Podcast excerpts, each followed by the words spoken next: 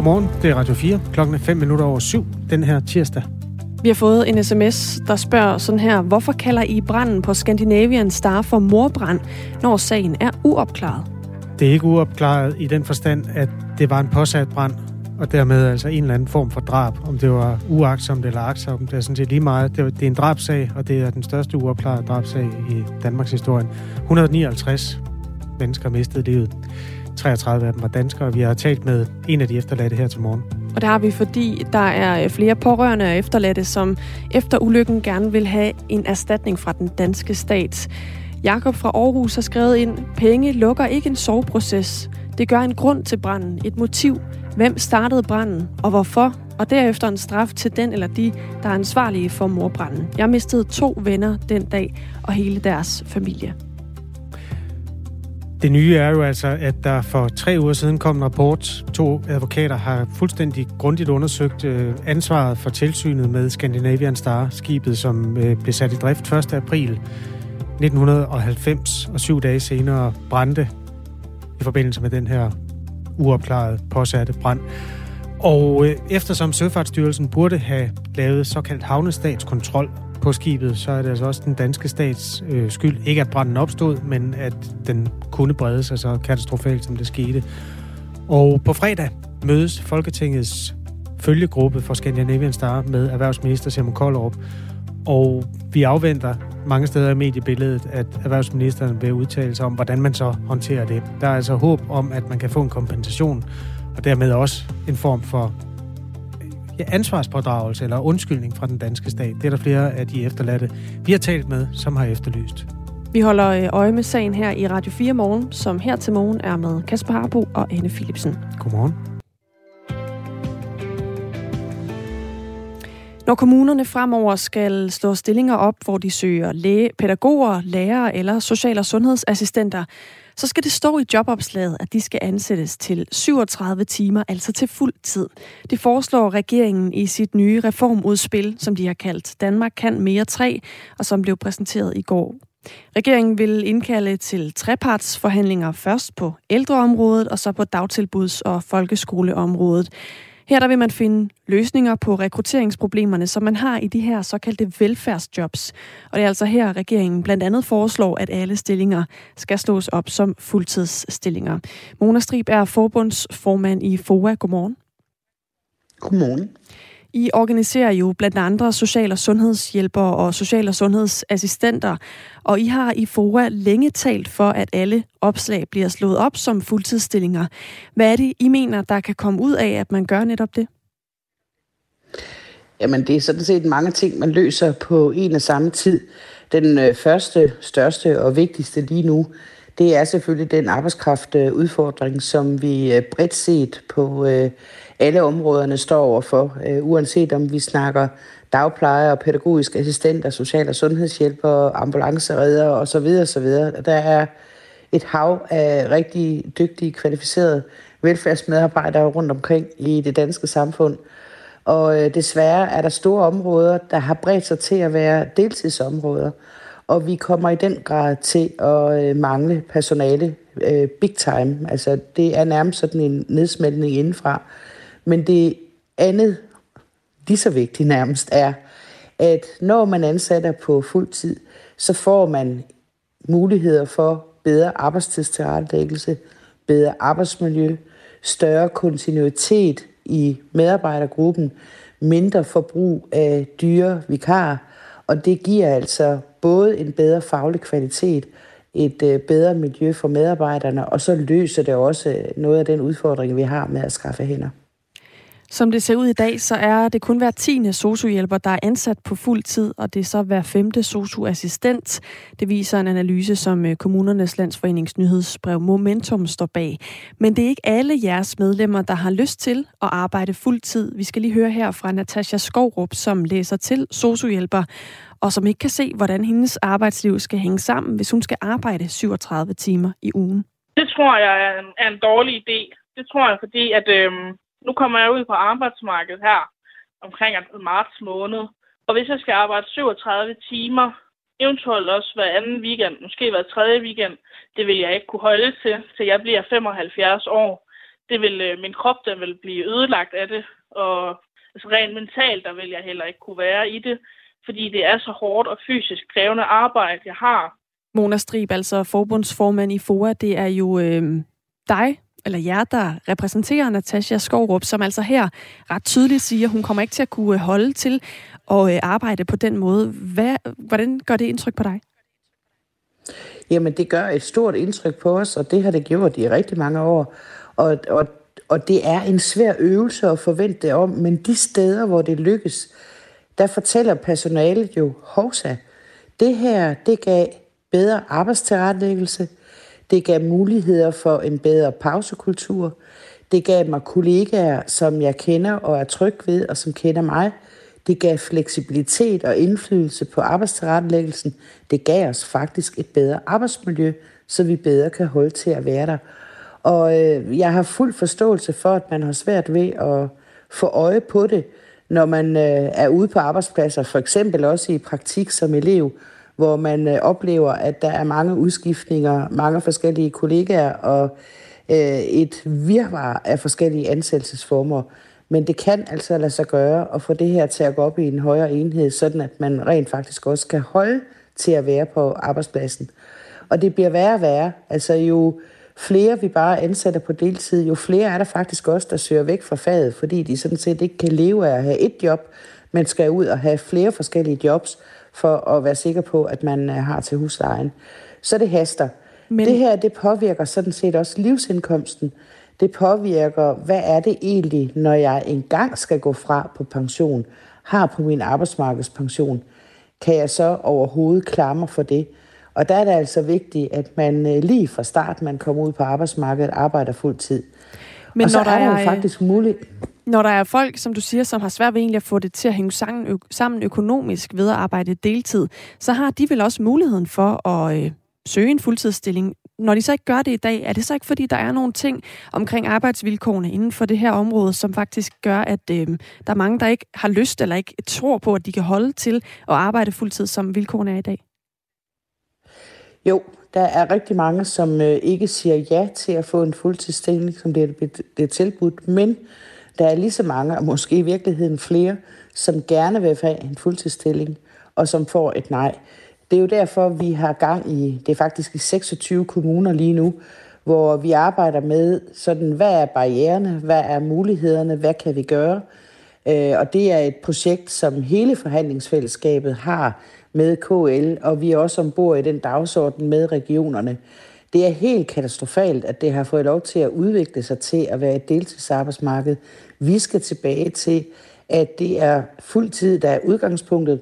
Og så kan der være forskellige livssituationer. Øh, det kan være, at man har udfordringer med små børn i en periode. Det kan være, at man, når man er senior, har behov for at gå lidt ned i tid så er det det, vi skal kunne aftale, sådan at normen simpelthen er fuld tid, og så skal der være muligheden for deltid i perioder. Den bøtte skal vi simpelthen have vendt, ellers så kommer vi til at mangle så mange hænder, at vi får rigtig, rigtig svært ved overhovedet at tiltrække nye ind på det her område. Vi har også talt med Kirsten Larsen, som har været sociohjælper siden 2002. Hun har aldrig arbejdet fuldtid og arbejder i dag som vikar. Hun mener faktisk ikke, at det her kommer til at løse det problem, som du også skitserer her, altså at der kommer til at mangle endnu flere hænder. Faktisk så mener hun, at øh, det her med at få alle stillinger til at blive fuldtidsstillinger, det vil få endnu færre til at søge imod faget. Det er fåtallet, der vil søge de stillinger. Fordi at give fuld tid, det ændrer ikke på de arbejdsbetingelser, der er, og det er arbejdsbetingelser, der er hovedproblemet sammen med løn. Omsorgsgene, som, som regeringen og fagforbundet rigtig gerne vil have, have frem, øh, vi alle sammen har, når vi arbejder med mennesker, det pakker vi væk, når vi møder. Vores faglighed bliver pakket væk, fordi der er ikke tid til de her ting og sager. Og det ændrer ikke på, at du går op på 37 timer og begynder at forlange, at folk skal arbejde 37 timer i det fag her, som arbejdsbetingelserne er. Det giver mere sygefravær, og så står du i samme tølle en gang til. Mona Strib, hvordan kan du være sikker på, at det, at man slår alle stillinger op som fuldtidsstillinger, det rent faktisk vil løse udfordringen med mangel på hænder? Jamen det kan jeg kun være sikker på, hvis man kombinerer det, at vi skal få flere på fuld tid, med at der også skal være de nødvendige ressourcer til de arbejdsopgaver, der skal løses. Det er jo rigtig, rigtig mange initiativer, der skal i gang på en og samme tid – og det er helt rigtigt, at det er arbejdsvilkår og løn, der skal medvirke til, at vi kan rekruttere til det her område i fremtiden. Men det hænger altså også sammen med, at når man står som ung og nyuddannet og skal til at starte på arbejdsmarkedet, og ikke kan klare sig for en deltidsløn, så skal man altså tilbydes at have et øh, fuldtidsjob. Uh, og, og det er, jeg forstår godt, at det kan være svært at få øje på, at det også kan ændre på arbejdsbetingelserne. Men det giver altså et bedre arbejdsmiljø, det giver en god kontinuitet, det giver bedre muligheder for at have indflydelse på arbejdstilrettelæggelsen, det giver faktisk også færre weekendvagter, jo flere man har på fuld tid. Så det her det hænger både sammen med, hvilken økonomi leverer vi som samfund til opgaven, hvordan arbejdstilrettelægger vi, hvordan har vi styr på, at der er en god pausekultur, og hvordan får folk en løn, der faktisk er til at leve af. Så det er mange, mange ting, der skal sættes ind for. Og den her fuldtidsdagsorden, den er her, og den er rigtig. Det sagde altså øh, forbundsformand i FOA, Mona Strib, her til morgen som reaktion på regeringens udspil. Klokken er 16 minutter over syv. De høje priser på el og varme betyder, at virksomheder er nødt til at skære i åbningstiden, fordi det ikke kan løbe rundt uden for de travle perioder, hvor omsætningen er højst. Der er flere butikker, der allerede har meldt ud, at de begrænser åbningstiden, og det samme sker nu i hotel- og restaurationsbranchen. Kåre Holder, Kåre Holder Jensen, undskyld, Kåre Holder Jessen hedder du. Godmorgen. Godmorgen. Ejer af Marsk Hotellet, der ligger i Højer i Sønderjylland. Du har valgt at lukke dit hotel over vinteren, og det vil sige, når kalenderen siger 1. november, og helt indtil 1. marts, så er der ikke mulighed for overnatning hos jer. Hvorfor kan det bedre betale sig at lukke hotellet end holde det åbent? Jamen, det er jo i, i, i vintersæsonen, så vi har ikke mange gæster øh, alligevel. Men vi plejer at holde åben, men, men i år kan det simpelthen ikke gå, fordi at, at øh, energipriserne er så høje, at, øh, at øh, det vil give minus at holde åben, og det, øh, det har vi ikke lyst til. Hvordan plejer regnskabet at være, når I gør op på de der fire stille måneder fra 1. november til 1. marts? Jamen, det går sådan, det går sådan nogenlunde lige op. Øh, vi, vi, har, vi har guidet ture med Østers øh, i vintermånederne, og der plejer at være en del gæster, som overnatter så. Øhm, men, men i år, selvom, selvom vi ville holde den samme belægning som sidste år, så, øh, så vil det give for stort underskud, fordi vores øh, energiomkostninger er 3-4 doblet. Mars Hotellet har 18 værelser, og så er der fire hotellejligheder og alle enheder har elradiator og hver deres køleskab. De her 18 værelser deles om to store varmvandsvarmere, og hver hotellejlighed har sin egen. Øh, jeg forstod, at du har normalt en elregning på 11-12.000 om måneden, men den lød i august på 45.000 kroner. Øh, er det noget, du har drøftet med andre i branchen, det her? Det lyder som om, at øh, altså alle vil komme ind i den overvejelse på et tidspunkt. Jamen det har jeg. Jeg har, har drøftet, øh, altså øh, vi har sådan et netværk hernede, og jeg har snakket med de andre om det, og, øh, og der er flere, der overvejer det samme.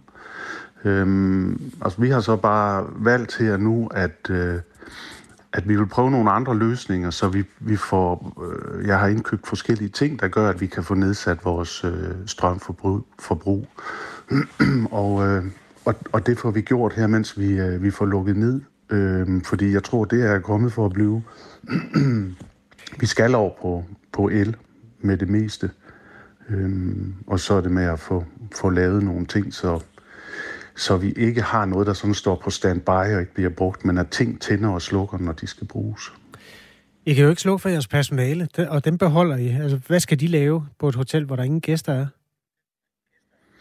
Ja, de, de, de laver noget, noget andet og noget mindre, men der er noget vedligehold i løbet af vinteren, og, øh, og i løbet af vinteren, så skal dyner jo vaskes, og alt skal vaskes ned og gøres klar til næste sæson, så, øh, så øh, vi har et super godt personale, og i de her tider er det også noget, man skal passe godt på, fordi øh, øh det er svært at få personale i min branche. Andre steder øh, slås man jo også med elregningerne, altså både i detailhandel og i restaurationsbranchen. For eksempel caféer og bager har jo mange steder valgt at lægge et energitillæg oven i prisen. Hvordan kan det være, at det ikke uh, kunne være en løsning for jer, at hæve prisen på uh, overnatning på hotellet? Ja, det vil ikke... Øh, altså, for, der, der er flere ting i det, men, men vi, vi vil ikke, der vil ikke komme nogen gæster, hvis vi lagde så høje priser på, så det kunne dække, øh, at vi har køleskabe, fryser og varmvandsbeholder og, og alt det kørende, når prisen er, er firedoblet. Men, men, øh, men de gæster, vi har hos os, de mærker jo også, øh, at priserne er steget på deres øh, regning og øh, på deres energi derhjemme. Så øh, jeg tænker, det er, det er, er, er bedst, at, øh, at vi lukker ned og går, går i dvale, kan man kalde det hen over vinteren. Når man lukker en bygning ned, så kan man jo ikke øh, køle den ned til 0 grader. Det kan et hus jo ikke holde til. Jeg mener, det er 17-18 grader, der skal være minimum for, at øh, sådan svamp og så videre holdes væk. Koster det ikke også penge at have det stående?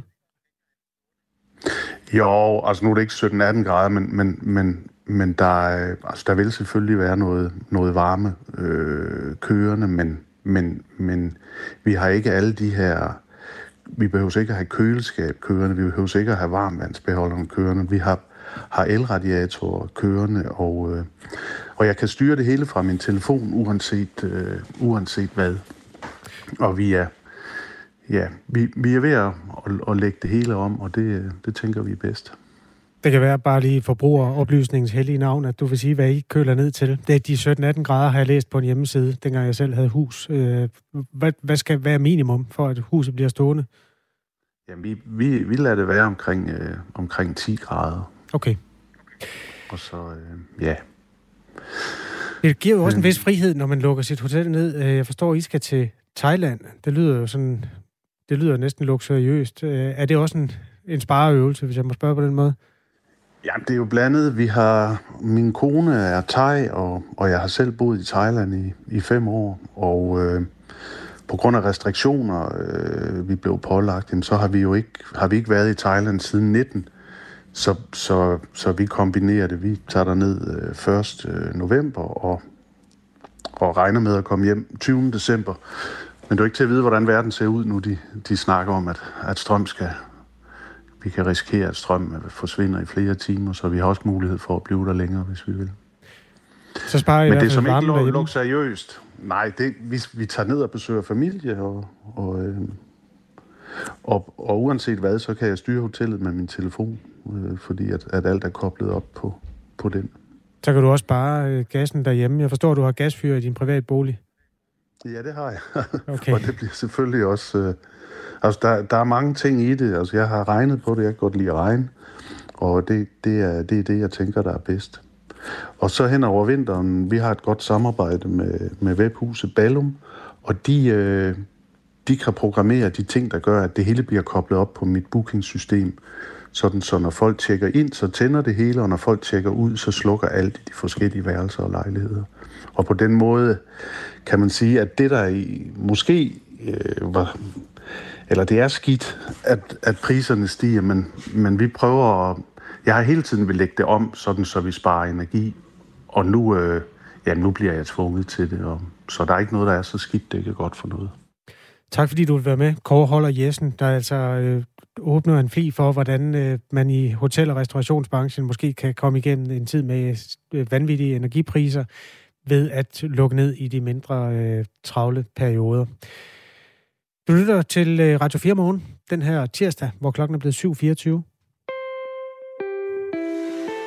De seneste år har regeringen sagt undskyld først til Godhavnsdrengene, og ikke så længe efter til de såkaldte grønlandske eksperimentbørn. Og nu er der faktisk endnu en undskyldning på vej. Flere tusinde danskere, der var anbragt i særforsorgen mellem 1933 og 1980, kan nemlig se frem til en undskyldning. Den kommer efter en historisk udredning, der er bestilt af Social- og Ældreministeriet, som har afdækket voldsomme forhold i forsorgen. Og dem kan vi tale om sammen med dig, Sars med. Godmorgen. Godmorgen. Historiker og leder af Danmarks Forsorgsmuseum i Svendborg, som øh, også har stået i spidsen for at lave den her udredning. Hvad er det, der skal undskyldes for i det her tilfælde? Der skal undskyldes for, at øh, i den periode, hvor, hvor de her mange forskellige typer institutioner for mange forskellige typer af mennesker med handicap under særforsorgen, det er jo både blinde, døve, øh, dem, som har i datiden blev kaldt åndssvage, epileptikere og, og også mennesker med et fysisk handicap, vandfører. De er forskellige typer mennesker med meget forskellige typer handicap. I den her periode på de institutioner, det var, der var det statens ansvar, at de her institutioner blev øh, blive drevet, øh, og det, den hverdag, der var der, og den behandling, der også var der, var fulgte øh, datidens lovgivning. Øh, og, øh, og derfor etablerer man et tilsyn, som skal sikre, at der ikke for eksempel øh, sker overgreb og de her voldsomme svigt. Og øh, det, man undskylder, undskylder for primært, øh, som jeg har forstået det, det er, at det her tilsyn ikke fungerede, således at der har været øh, nogle af de institutioner, og for mange af de her mennesker, som har oplevet øh, den her meget forrådede tilgang øh, til dem, mens de har som børn og unge, og også nogen som voksne har været i statens i anfølgelsestegn varetægt, altså i, under deres ansvar. Hvad var det helt konkret for nogle ting, de her mennesker oplevede? Helt konkret, så, øh, så, så, så kan jeg ikke svare det en til en, fordi det er en meget sammensat gruppe af mennesker. Men hvis vi for eksempel tager åndssvageforsorgen, altså mennesker med det, vi i dag vil kalde et udviklingshandicap. Øh, der, kan vi, der har vi blandt andet påvist øh, fysisk vold, seksuelle overgreb, øh, en, øh, en enorm udbredt brug af tvang øh, hvor tvang også øh, kan være, i dag vil vi kalde det øh, for eksempel fastholdelser, men, men fastspændinger, øh, hvor der er mennesker, der har været anbragt på nogle af de her institutioner på grund af det her udviklingshandicap, som har, har ligget fastspændt i deres senge i årtier. Øhm, vi har også påvist, som sagt, seksuelle overgreb. Det har vi eksempler på øh, på tværs af forsorgsgrenene, det vil sige også inden for de andre forsorgsgrene, hvor man havde andre typer af handicap. Øh, det vil sige, at, at børn og unge øh, har oplevet øh, at få deres grænser øh, overskrevet. Øh, det har de oplevet fra nogle af deres andre øh, med anbragte, som ikke har, øh, ja, og det er ikke blevet stoppet, men vi har også påvist, at der er ansatte på de institutioner, der har forgrebet sig øh, på de her meget sårbare børn og, og unge. Så har vi også påvist, at der er, der er mennesker, som, øh, som er blevet anbragt de helt forkerte steder.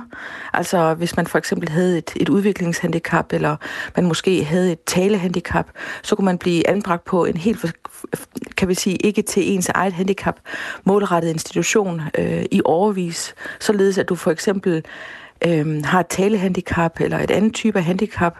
Du har du er fysisk handicap, der har for eksempel det, der hedder spastisk lammelse, og kan så blive anbragt, fordi man ikke har forstået eller haft blik for, hvad du har fejlet, så kan du kunne anblik, øh, blive anbragt på en af de her store øh, totalinstitutioner inden for åndsværen øh, forsorgen.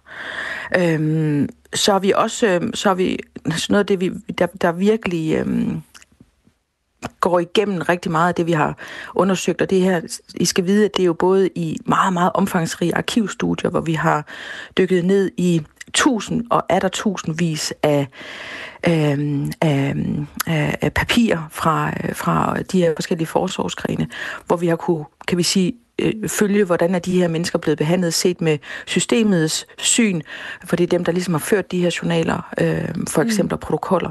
Men vi har også talt med, med rigtig mange mennesker, som selv beretter, hvordan har de oplevet at være under særforsorgen eller åndssvageforsorgen. Øhm, og, og det vi så også kan påvise, det er, at, at den her forrådede tilgang til de her mennesker præget af, at, at, at, at det her vold, det her overgreb, de her tvangsudøvelser, øh, det, det, sætter, det, det, det præger menneskeliv, også ind i deres voksenliv. Så, så mennesker, som vi har talt med, beretter om, om, øh, om, om mange svære ting, som har, som har påvirket dem ind i deres voksenliv også. Så selvom det er noget, vi, du siger øh, så fint i indledningen her, at det er en periode fra 1933 til 1980, altså inden at, at særforsorgen blev udlagt til kommunerne igen, mens mm. det var staten, så er det altså mennesker, der går rundt, øh, eller er i blandt os, eller stadigvæk bor på nogle af de institutioner, eller pårørende, eller ansatte, ja. som, som beretter om, hvor svært det, det har været at opleve det her. Og nu er der så en undskyldning på vej. Tak fordi du ville gøre os klogere på, hvad der gik øh, forud for den Sara som altså er historiker og leder af Danmarks Forsorgsmuseum, som ligger i Svendborg, og som også har stået i spidsen for at lave den her udredning. Simon Spis Plads ligger i Helsingør, men måske skal den have nyt navn. Mere om det om fire minutter. Klokken er halv otte.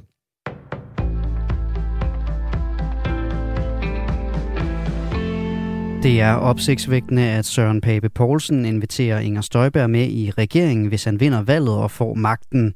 Det mener Thomas Larsen, der er politisk redaktør på Radio 4. I et interview med os siger Søren Pape Poulsen, at Støjberg er mere end velkommen i regeringen. Hvis Danmarksdemokraterne skal i regeringen, så tror jeg da, at, øh, at Inger Støjberg skal være minister. Det ville da være mærkeligt, hvis hun ikke, øh, hvis hun ikke skulle det. Og det er opsigtsvækkende af flere grunde, mener politisk redaktør Thomas Larsen. Jamen, jeg mener, det er opsigtsvækkende og ret ekstraordinært på flere felter. For det første, så skal vi huske på, at øh, der er ikke engang gået et øh, år siden, at Inger Støjberg blev dømt ved rigsretten og også fik en alvorlig øh, dom. Så står hun i øh, spidsen for et øh, sprit nyt parti, kan man roligt sige. Og normalt så tager det lang tid, før sådan et parti bliver øh, klart, og det vokser så stort, at overhovedet kan komme på tale til regeringsdeltagelse. Men altså, øh, Øh, Danmarksdemokraterne har allerede blevet øh, så stort, at det er blevet en faktor, som man ikke kan komme udenom i, øh, i blå øh, blok.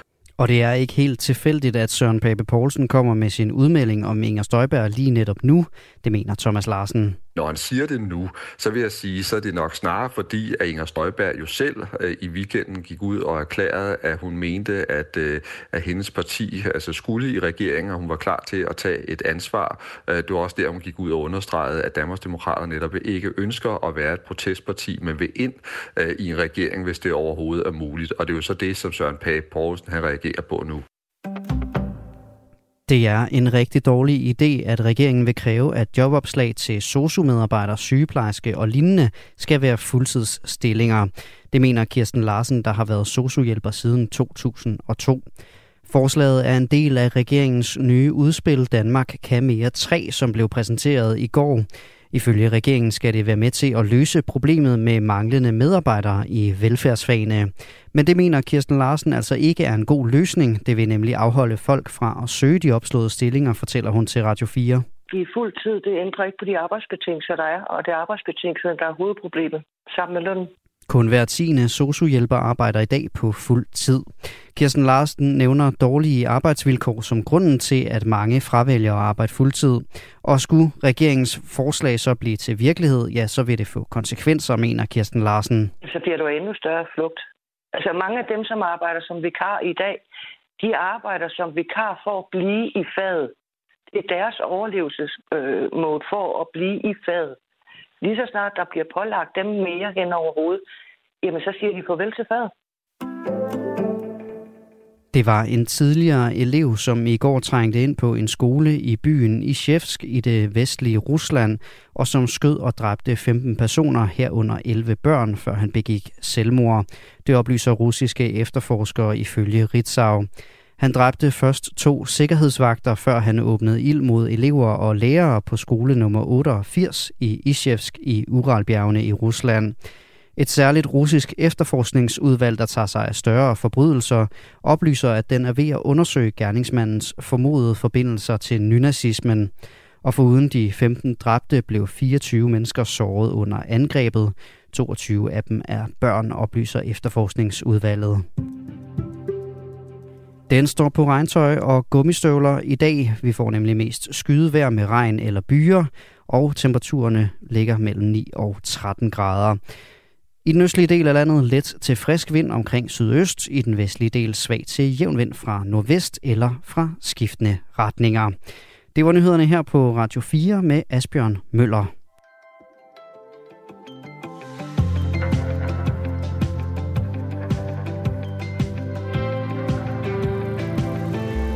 Det var det konservative Folkepartis formand Søren Pape Poulsens eksmand Josue Medina Vasquez, som arrangerede møderne med toppolitikerne på rejsen til den Dominikanske Republik for fire år siden.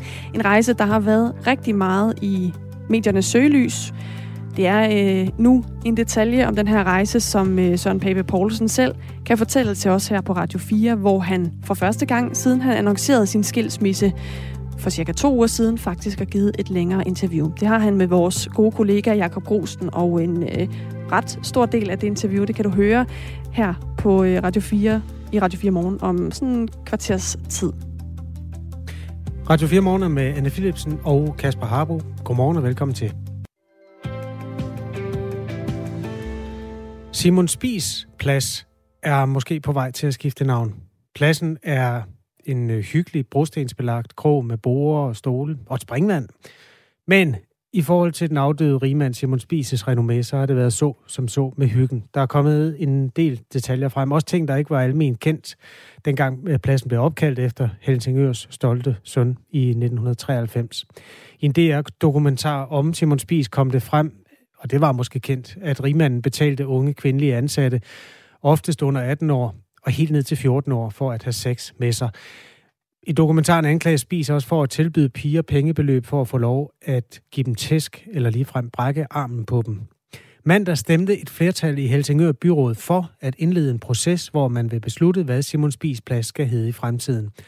Og det er på baggrund af de her afsløringer, at et flertal i byrådet øh, besluttede, at den proces skal indledes. Bente Borg Donkin er medlem af byrådet i Helsingør for SF og stemte for. Øh, hvorfor gjorde du det? Godmorgen. Godmorgen, ja, Øh, undskyld. jo, det gjorde jeg, fordi at øh, øh, det, det her åbenbart er et emne, som har en meget stor øh, opmærksomhed, ikke kun hos mig selv, men, men også hos, øh, hos bor, vores borgere i Helsingør. Og jeg har tænkt lidt over, hvorfor den store opmærksomhed er der. Og måske er det fordi, at vi stadigvæk selv kan huske den tid, og måske også føler en lille smule skam over, at vi ikke har reageret øh, på det, som faktisk foregik øh, for øjnene af os, uden at vi måske var bevidste om, at det foregik. Og netop det, at der stadigvæk er pårørende, der stadigvæk er nulevende, som har oplevet øh, den øh, utilsigtede kontakt, så mener jeg, at det er på tide, at vi stopper op og siger slut, og nu skifter vi navn. Ulla Kokfeldt er medlem af Helsingør Byråd for Nye Borgerlige og stemte imod. Øh, hvorfor gjorde du det? Jamen, øh, jeg synes, det er jo sådan lidt skruen uden ende, hvis vi skal begynde at øh, sådan en proces, hvor vi skal kuglegrave gadenavne og navne på pladser for at være sådan helt sikre på, at alt det nu er navngivet politisk korrekt og passer ind i sådan en, øh, en bog med glansbilleder om, øh, om Danmarks historie. Og Simon Spies, han er et stykke ny dansk historie, og det her forhold, som han havde til helt unge kvinder med at betale kvinder og hans morgenbolddamer, som var både sådan lidt øh, bare meget usympatiske og meget lummert, men det foregik jo helt åbent. Altså, det er jo ikke nogen overraskelse, det her. Han blev ikke dømt af sin fortid. Og så har jeg det lidt sådan, så synes jeg, jeg synes, det er forkert at gå tilbage og prøve at få det hele til at passe, altså fortiden til at passe ind i, ind i hvordan vi gerne kunne tænke os, at fortiden skulle se ud i dag. Vi har altså to medlemmer af Helsingør Byrådet med. Benteborg Bente Borg Duncan fra SF, øhm, du indledte for lidt siden. Nu siger Ulla Kokfeldt her, at det er skruen uden ende, hvis man skal løbe alle pladser og gadenavne igennem for at øh, finde dem, der er rene i en 2022-kontekst. Hvad siger du til det argument? Ja, jamen, jamen, jeg siger, at det holder jo ikke i forhold til, at, øh, at, at vi netop forholder os til en plads, hvor der stadigvæk er nulevende øh, både ofre og pårørende. Øh, og, og, og så kan man også stille sig det spørgsmål der, hvad er det, der giver mest opmærksomhed? Altså jeg tænker det, at vi skifter navnet på pladsen, så kommer diskussionen også til at, at, at køre på den måde, hvor man siger, om var det ikke den plads, der hed noget andet på et tidspunkt? Og så kan der komme en natur naturlig snak og dialog omkring, hvorfor man skiftede navn, og hvorfor man pillede glorien af, af en, øh, en erhvervsmand, som, som ud over at han også skabte øh, øh, nytænkning og innovative tiltag, faktisk jo også havde en meget mørk side, og mere mørk end, øh, end, øh, end godt er. Ulla Kokfeldt fra Nye Borgerlige, det er altså en skrue med ende. Skruen handler om, at det er en, en person, hvor mange nulevende stadig har minder, og nogle af dem er rigtig dårlige. Øh, hvis nu at vi vedtager, at det er den, altså skruen med ende, hvorfor kan du så ikke stemme for? Jamen, jeg har, jeg har jo stemt imod, at, at pladsen skulle ændre sit navn. Jeg tror, hvis vi nu havde stået i går og skulle beslutte helt forfra, altså at, navn, at pladsen den ikke var navngivet, altså den stadig hed sit gamle, og vi skulle, så skulle beslutte, at den skulle hedde noget nyt, jamen så ville jeg sådan set have beholdt det gamle. Det er den her revisionering af historien, som jeg sådan set øh, ikke øh, bryder mig om, at, øh, at skulle igennem, og jeg synes, det er meget øh, stor stå hej øh, og, og sætte i gang for, for noget, som vi ligesom har stået, altså som, som ligesom blevet vedtaget for 20 år siden, at det her, det, det, det ville man gøre. Og jeg tror sådan set godt, at vi kan rumme, øh, og vi også kan være i stand til at fortælle vores, vores børn, at øh, her var en plads, og han er, den er opkaldt efter en mand. Han gjorde noget, noget spændende og noget godt for, for Danmark, og han havde også bare nogle virkelig mør, mørke sider, hvor han var en, en værre bandit. Det, altså den her, den her, øh, det her forhold til vores fortid på godt og på ondt, det mener jeg godt, at vi kan, øh, vi kan rumme. Det er 29 år siden, at pladsen skiftede navn fra Svingelport Plads til Simon Spis Plads, og den blev lavet rigtig fin for en million kroner. Pengene kom i øvrigt fra Spisfonden.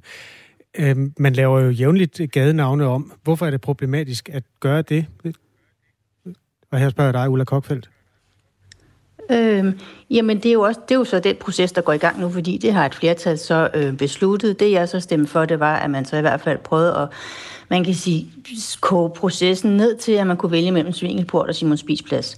Øhm, for fordi at jeg synes, at vi har utrolig mange ting øh, politisk, vi skal tage os af, og hvis vi skal gøre kæmpe processer ud af det her hver gang, så, så synes jeg også bare, at det bliver en, en, en tidsrøver for noget, som jeg ikke synes øh, bør være så stor en tidsrøver. Hvor, mange, hvor ofte har I en sag om en øh, plads eller en gade, der skal skifte navn i Helsingør byrådet op og vende? Jamen, det, jeg er jo relativt ny i byrådet, så jeg har ikke været igennem det her før. Jamen, det kan du svare på, altså, Bente Borg Duncan. Ja, tit, tit sker det? Øh, øh, vi, har ikke, vi har ikke skiftet navne ud på pladser, men vi har bygget nye veje og nye byområder. Og der har vi nedsat et udvalg, som netop øh, øh, sidder og undersøger i forhold til, hvad er der for nogle bybørn, hvad er der for nogle øh, begivenheder, hvad er det for nogle geografiske områder, som kan være naturligt at øh, opkalde det her område efter. Halvstand Rasmussen er faktisk en af de sidste, som vi har navngivet en, øh, en vej efter i, øh, i Hornbæk. Øh, og derfor synes jeg også, det er meget naturligt, at vi lader det, den gruppe forholde sig til, om vi skal tilbage til, at det skal hedde Svingelport, og netop, at borgerne bliver hørt og kan komme med høringssvar i forhold til, hvad er det, hvad er det for en historie, vi gerne vil have, der fortsætter. Det er det fremadrettede, Bente Borg Duncan. Du, jeg tror ikke helt, Øh, jeg fik formuleret spørgsmålet klart nok. Det er for ligesom at afklare øh, og måske indramme den bekymring, som øh, Ulla Kokfeldt sidder med. Øh, skal vi nu til det her hele tiden? Hvor mange gange i din tid i byrådet har man øh, skulle ændre et navn, sådan, altså tilbage øh, skrive en... Jamen, vi har, vi har ikke ændret navne på hverken veje eller pladser tidligere. Ikke i Helsingør. Jeg, jeg ved, at der er andre byer, som har gjort det. Okay. Øhm, Ulla Kokfeldt, hvis nu det er et problem, der er isoleret til Simon Spis, hvis han er den eneste, hvor det her nogensinde bliver nødvendigt, vil det så kunne ændre din holdning til, om man skal ændre det her skilt af hensyn til de mennesker, der måske har fået brækket en arm, og som skal øh, gå forbi det, øh, det, det skilt? Altså, Nej, ved du hvad, jeg, altså min holdning den er faktisk, at vi skal lade det være, som det er. Men, men nu lytter jeg jo mig frem til, at der er et flertal, der har besluttet, at vi skal i gang med en proces. Og så er det jo sådan, det er. Så er det jo ligesom ude af, af mine hænder, som, øh, selvom jeg synes, at den skal beholde navnet. Øh, så nu må sagen jo gå i sin gang, og borgerne må blive hørt. Og det er jo altid fint at høre borgerne, kan man sige. Jeg havde bare godt set, at vi havde brugt tiden på, på, på større problemer. Benteborg Duncan, øh, pladsen i Helsingør bærer også et maleri af Simon Spies og et maleri af et charterfly. Skal de fjernes? Ja. Altså, øh, øh vi kan jo lade være med at forny det. Ikke? Altså, og så går tiden jo, jo sin gang. Og måske øh, vil det også være med til, at, at, øh, at man siger, hvor, hvorfor er det der? Ikke? Altså, øh, øh, og, og vi er jo netop interesseret i, at dialogen omkring det her også kommer op. Så det tænker jeg, at det kunne være, det er helt fint, at øh, det bliver ved med at være der i den overgang her til, at vi finder et nyt navn for, øh, for pladsen. Det skal jeg lige forstå, og jeg skal lige sige til nye lyttere, at vi taler om en plads, der hedder Simon Spies Plads. Den ligger i Helsingør, og den kan få et nyt navn. Det er der i hvert fald et øh, flertal, der gerne vil arbejde videre med. Bente Borg Duncan, øh, det her maleri, altså hvis nu det bliver vedtaget om et år, at pladsen skifter navn, skal Simon Spies øh, øh flotte ansigt så være der stadigvæk? Øh, ikke, ikke, altså vi, ja, min holdning, personlig holdning er, at vi ikke skal forny, altså vi skal ikke øh, restaurere øh, det billede, men lade tiden gå sin gang, og så fæder det ud, og så bliver det malet over, når det føles naturligt at gøre det. Okay, så det skal sådan stå og forvidre? Ja. Hvad siger du til det, Ulla Kokfeldt? Er det en god løsning? Åh oh, ja, der er måske lidt mere på, på linje med, med Bente Borg, fordi det, der er jo en, en, en, en, en mur nede på Simon Spis plads, hvor der er billedet af, som du siger, Simon Spis og et fly, og på den anden side der er faktisk rigtig flot vægmaleri af den gamle indgang til Helsingør Ør, altså af Svingelport, øh, som jeg virkelig godt kan lide. Men det er jo sådan, øh, har jo lidt karakter, noget, noget street mhm. art, og med sådan nogle vægmalerier, de har det måske med ikke at holde øh, evigt på den måde, som, som bygninger gør. Så det er ikke noget, jeg vil stille mig kategorisk over for, at det for hver en pris skal bevares. Årene går ikke sporløst hen over hverken mennesker eller vægmalerier. Det øh, måske Nej. konklusion på det her. Tak fordi I vil være med og fortælle ja. om øh, jeres øh, ja. forskellige positioner. I, øh, tak. tak. Hej igen. Øh, altså i Helsingør Byråd, hvor vi hørte henholdsvis Benteborg Donken fra SF og Ulla Kokfeldt, der sidder i samme byråd for Nye Borgerlige. Vi vil også gerne øh, have hørt borgmesterens holdning. Borgmesteren i Helsingør hedder Benedikte Kær. Hun er konservativ.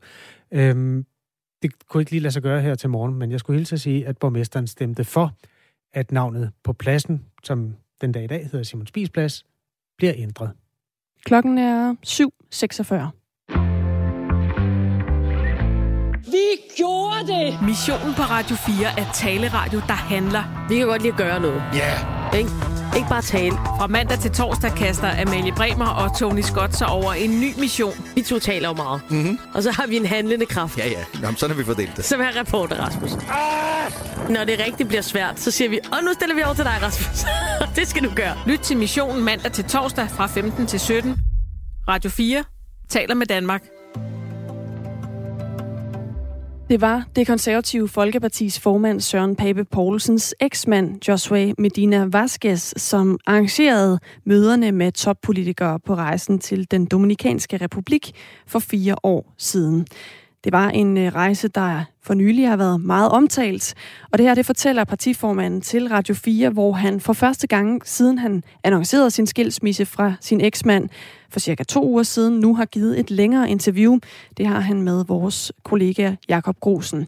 Møderne har fået massiv kritik, fordi den danske udenrigstjeneste ikke blev underrettet om mødet. Men nu fortæller Søren Pape Poulsen altså om, hvordan det her uofficielle statsbesøg kom i stand. Det er ferie, jeg er på. Men uanset om jeg er på ferie, så skulle jeg jo selvfølgelig have sagt, at jeg har tænkt mig at mødes med de her mennesker. Men jeg, altså i bund og grund skulle jeg så ikke tage sådan nogle møder, når man er på ferie, fordi der kan hurtigt komme en masse misforståelser. Hvad er det for nogle typer møder, når man er minister, og så videre, og så videre. Det er, det er en ferie, og vi har selv betalt vores rejse, og altså, hvorfor skulle vi... Øh, altså, når vi er derovre, så er det fordi min eksmand nu, han kommer derfra, har særlige rødder, øh, har mange relationer. Men hvorfor øh, tog I ikke bare den lokale ambassade med på råd? Jamen, fordi vi tænkte slet ikke over det. Nu skal du lige huske, jeg, jeg er jo jeg er gift med en mand, der kommer fra den Dominikanske Republik. Og, øh, og han kender rigtig mange, via han har gået i skole og andre ting, i hele det system og i regeringssystemet. Og så sagde han, skal I ikke, I skal da møde de her mennesker, når I nu er der. Og det meldte han så ind, og så kom de her møder i stand, og det var sådan, det var. Altså, havde det ikke været min ægte fælde, der arrangerer møder, så, så var det nok også kommet en anden stand. Det var simpelthen bare, fordi vi tænkte, Jamen, det er der jo ikke noget i. Det er jo ren høflighedsvisit, øh, når vi er der. Øh, var det arrangeret inden I tog afsted?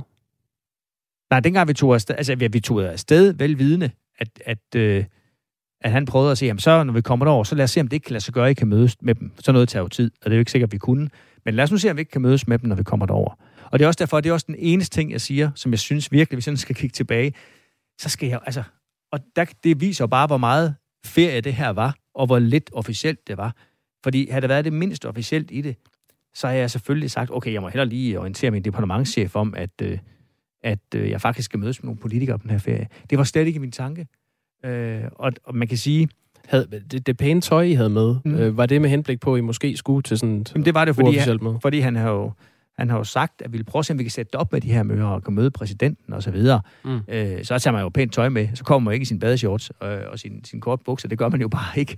Så, øh, så det var det, han har arbejdet på og, og få os derover. Jeg havde også forventning om, at vi skulle møde dem, fordi det har man jo øh, arbejdet på. Og det, det siger, det er også derfor, jeg siger, det har jeg jo åbent sagt for, altså ret hurtigt, okay, det skulle jeg da have orienteret om.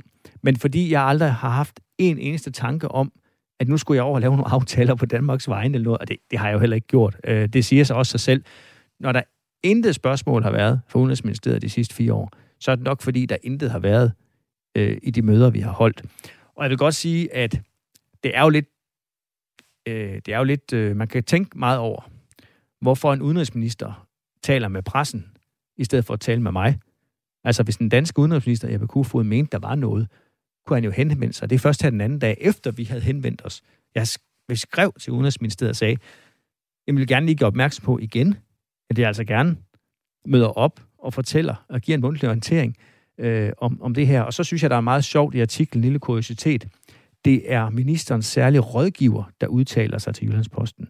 Det er ikke ministeren, det er ikke ministeriet. Og enhver, der kender lidt til de der interne forhold, ved, at når det ikke er ministeriet, så er det nok, fordi ministeriet ikke vil lægge navn til, øh, at der er brug for en redegørelse. Nogle, det føler jeg mig ret overvist om. Nogen, der gerne vil lægge navn til, det er øh, nogle øh, af de øh, medlemmer af Folketinget fra ja, Socialdemokratiet, der ikke er ministre. Ja. Øh, Kasper Sandkær, integrations- og udlændingeordfører for Socialdemokratiet, sagde sådan her til mig i Radio 4 morgen i sidste uge. Ja. Så det vi jo nu har, har gjort, det er, at vi har opfordret øh, Søren Pape og, og Inger Støjberg til at aflevere en, øh, en redegørelse til Folketinget, så vi kan finde ud af, hvad det er præcis, der er foregået under de møder i den Dominikanske Republik, hvor at Søren Pape og Inger Støjberg jo har holdt møder med regeringen for et andet land udenom øh, Udenrigsministeriet, udenom vores udenrigstjeneste. Det er jo, må man sige, meget øh, usædvanligt. Vil du give sådan en skriftlig redegørelse? Nej, jeg møder op og giver den redegørelse, ministeren har bedt mig om. Han har jo sagt, at jeg, vel, at jeg kunne give en mundtlig orientering i Udenrigsministeriet, det har jeg tænkt mig at gøre. Øhm, jeg tror, jeg tillader mig at tro, at de fleste, der hører det her, og hører alle de socialdemokrater, nu er blevet meget interesseret i min ferie for fire år siden, kunne det hænge en lille smule sammen med, at det er valg, og at de kan se, at her kan man skabe en masse uklarhed og en masse øh, drama omkring øh, min person og Inger Støjbergs person. Det, det kunne det måske også godt være. Øh, jeg tænker, jeg tror, alle, der bare kender udenrigstjenesten en lille smule, vil vide, at havde det besøg haft den mindste konsekvens for Danmark og for, for udenrigstjenesten og for udenrigspolitikken, så havde man selvfølgelig øh, henvendt sig. Øh, jeg ved jo også, jeg har jo hørt øh, Lars Løkke Rasmussen, der var daværende statsminister, jo også sige, at det her har der jo ikke været noget i øh, overhovedet. Det er jo ikke nogen henvendelser, han heller har skulle forholde sig til. Og så har jeg det lidt sådan, jeg synes, jeg kunne bare godt tænke mig, at politik handlede om det, der var vigtigt. Det, der er vigtigt for Danmark og for danskerne. Og undskyld, jeg siger det så direkte. Det her er meget lidt vigtigt for Danmark og vi, danskerne. Vi kommer til også at tale øh, politik. Jeg, jeg vil lige, nej, nej, øh, men det skal nok være med at tale. Jeg ja. siger bare, jeg siger bare at, at det er jo påfaldende, så interesseret Socialdemokraterne er i at tale om det her lige pludselig. Og øh, det er selvfølgelig, det er de jo velkommen til. Vi lever i et demokrati. Jeg siger bare, jeg tror godt, de fleste kan gennemskue, hvad deres dagsorden er. Var der nogen i det her selskab, som øh, potentielt øh, kunne have en øh, interesse i de her møder, altså en økonomisk interesse eller et eller andet? Nej, det kan jeg bare ikke se, hvordan skulle man have sådan en interesse. Fordi vi var der på vores ferie. Jeg havde jo ikke charts, og de andre minister, vi havde jo ikke sådan charts til at forhandle på, eller udtale os på vegne af Danmark. Vi havde nogle høflighedsmøder, vil jeg kalde dem. Og øh, så taler man lidt om, Nå, hvordan er jeres land og vores land, og hvad er interessant, og ja, ja, vi gør sådan og sådan i Danmark. Det var på det niveau.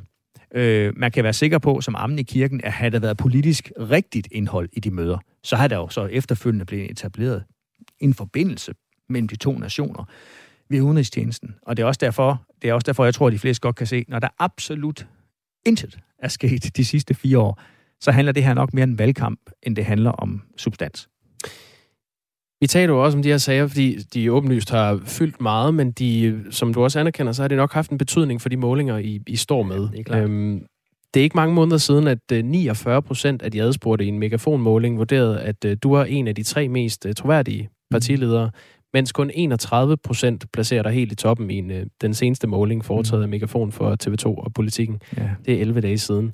For to uger siden kom så en måling foretaget af Voxmeter for Ritzau, som viste, at mere end hver anden borger foretrækker den nuværende statsminister, Mette Frederiksen, som statsminister i Danmark. Mm-hmm. Mens hun går frem, så faldt antallet af vælgere, der foretrækker dig eller Jakob Ellemann som øh, statsminister. Danskerne stemmer jo på den, de godt kan lide. Mm. Den, de tror på. Ja. Hvad synes du, den her sag siger om, om din evne til at skille skidt fra kanel og løgn fra fakta? Nå, men den siger da helt tydeligt, at der var noget der, øh, jeg skulle være mere opmærksom på. Må jeg også bare lige sige, det, det er jo fire år siden. Det har jeg lige brug for at sige igen og igen. Altså, for det er jo ikke i går. Altså, det var fire år siden. Det var en tanketorsk. Jeg skulle selvfølgelig have... Og sådan er det jo... Øh, jeg tror også, havde det, ikke, havde det ikke været familie, havde det ikke været min mand, der ligesom sagde, at vi skal da møde de her typer, og jeg kender den og den og den, og så fik vi arrangeret møderne, så, så har man nok ikke gjort det vel. Altså, og det, det kan jeg også godt se det er også det, jeg siger hele tiden, det skulle jeg selvfølgelig ikke have gjort. Men den, den tur får jo også øh, ekstra luft under vingerne i kølvandet på de andre sager om din mand, der mm. har fortalt dig usandheder, som du har viderebragt. Altså har du, har du været for naiv i din relation til din mand? Ja, det vil jeg ikke diskutere i et radioprogram. Det synes jeg er helt urimeligt, man skal tale om sine private forhold på den måde. Men det, jeg synes, der er lidt sjovt, det er, at på den ene side, så siger folk, at han er, han er en, ingen kender, og på den anden side var det ham, der var i stand til at og arrangere øh, møderne. Jeg vil lade folk tænke, hvad de vil øh, selv, og der må også være en kant for, hvor meget af sit privatliv, man skal lægge ud for offentligheden. Det var Radio 4's Jakob Grusen, der har talt med formanden for det konservative Folkeparti, Søren Pape Poulsen. Det er et længere interview. Det er en halv time langt faktisk, og hvis du vil høre resten af interviewet med Søren Pape Poulsen, så kan du gøre det, at du øh, henter Radio 4's app, og så gå ind og lytte til den seneste udsendelse af Mandat. Mandat, det er jo øh, vores politiske program her på kanalen, og øh, det er altså hele interviewet med Søren Pape Poulsen, der er udgivet som en Mandat special. Klokken er 5 minutter i 8. Kan du lide kakao med flødeskum? Ja, jeg havler meget af det faktisk. Ja, ja, det er simpelthen, når du kigger ud af vinduet, ja. så er det kakao med flødeskumsvær. Totalt. Jeg har faktisk noget kakao derhjemme. Heldig ja, dig. Har tak. du piskefløde også? Det har jeg også. Godt, øh, fordi eludsigten i dag, der har jeg regnet ud, hvad det koster at piske flødeskum til en gang kakao med flødeskum. Nej. Jeg har faktisk glemt at regne ud, hvad det koster at varme kakaoen op, så det må du... Okay, øh, må drikke den kold. Eludsigten er vores øh, tilgang til de her svingende elpriser, som også øh, betyder, at der er nogle timer, hvor det er bedre end andre at øh, for eksempel lave øh, ting i sit køkken. I dag er det sådan, at priserne er høje. Den billigste time er omkring klokken 14. Mellem 14 og 15, der koster elen 4 kroner og 15 øre per kilowatt-time. Mm. Det er dyrt. Ja, det er dyrt. Vi har fået sms fra Henrik Møller Jørgensen, der også er opmærksom på det her. Han driver noget, der hedder grønnere, grønnere elforbrug. Um, og han påpeger, at vi skal, skal helt frem til lørdag, før du altså, kan få billig el igen. Det er alligevel... Øh, det bliver da en lang uge, ja, kan jeg mærke på det hele. Ja, hvis, det, hvis du går og glæder dig til kakao med flødeskum. Ja. Øhm, hvor lang tid pisker du din flødeskum? Det er jo virkelig en kunst, ikke? Fordi ja. det skal ikke blive til smør. Nej. Øhm, hvad, hvad får det? Får det et minut eller sådan noget? Ikke mere. Det ved jeg ikke. Jeg har aldrig taget tid på det. Altså, jeg, jeg har taget udgangspunkt i fem minutter, men det kan godt oh, være... det lyder... Er det ikke lidt lang tid? Jo, det er det måske. Nå. Så, så skalerer jeg ned med så siger vi to og et halvt minut. Okay. Men så, så pisker vi det lidt langsommere. Kan ja. du gøre det? Mm. Jeg har taget udgangspunkt i den håndmixer, der hedder en KitchenAid håndmixer. Mm. Den sorte. Ja. Den bruger 85 watt. Og øh, hvis du skal lave sådan en gang øh, flødeskum med den, så skal du jo først købe elpiskeren. Den koster 1298 kroner. Ja. Så skal du købe en kvart liter piskefløde. Den koster 13 kroner. Og så, du har kakao. Jeg har kakao, kakao ja. Det behøver du ikke at købe. Nej. Og så skal du bruge strøm ja. til at piske i to minutter. Var det det, vi nåede frem ja, til? Det, ja, to og halvt. Hvad ja. du nu lige kan regne dig frem til. Det koster 1,8 øre. Nå, det var ikke meget. Nej, det er måske okay. Så mit største problem er håndmixeren. Ja, det største problem er piskefløden. Den, ja. det koster, ja. det er det blevet det pivdyrt. Ja. Nå, men øh, spørg om energikrisen er jo faktisk øh, også et dagligt element i Radio 4 morgen. Øh, det er en mulighed for at spørge eksperterne om forskellige områder af det her. Nogle steder lapper det over med øh, sikkerhedspolitik, det var noget af det, Anders Overvad fra Tænketanken Europa hjalp os med i går. Andre gange er det måske mere håndfast, og det er øhm, sådan en dag, vi har i dag, fordi Amro Hajir er seniorprojektleder i Spar Energis rådgivningstjeneste. Og han er altså rigtig god til de sådan virkelig konkrete spørgsmål. Han kan svare på, om du skal skifte dit oliefyr, hvis du har sådan en gammel en stående, eller om du skal streame din film, eller om det bedre kan svare sig at finde VHS-maskinen frem igen det, det er meget specifikt, mm. det her. Hvis du skulle, og det er ikke bare dig, Anne, men du, der lytter, øh, skulle sidde med et spørgsmål om, hvad du skal gøre derhjemme i forhold til energikrisen, så skriv til os på 1424. Vi vil glæde os til at stille de spørgsmål videre. Øhm, han er med 845. Der kan dine spørgsmål blive besvaret. Altså, øhm, spørgsmål om energikrisen skal ind på 1424. Der er et par lyttere, der, øh, der påpeger, at hvis man synes, de der, hvad var det, hvor mange øre var det? Øh, jeg nåede frem til 1,8. 1,8 øre er for meget. Så kan man jo bruge et piskeris, altså håndkraft. Ja. Der er en, der har et pisk i 8 taller. Okay, jamen, så ja. får man også varmen i sin ja. 18-19 grader varme nu, hvor man bolig. Øh, skal skrue ned for radiatorer, og hvad har vi? Godt, øh, men klokken 14 i dag, hvis du skal bruge strøm, det er det, er det mest håndfaste råd, vi kan give.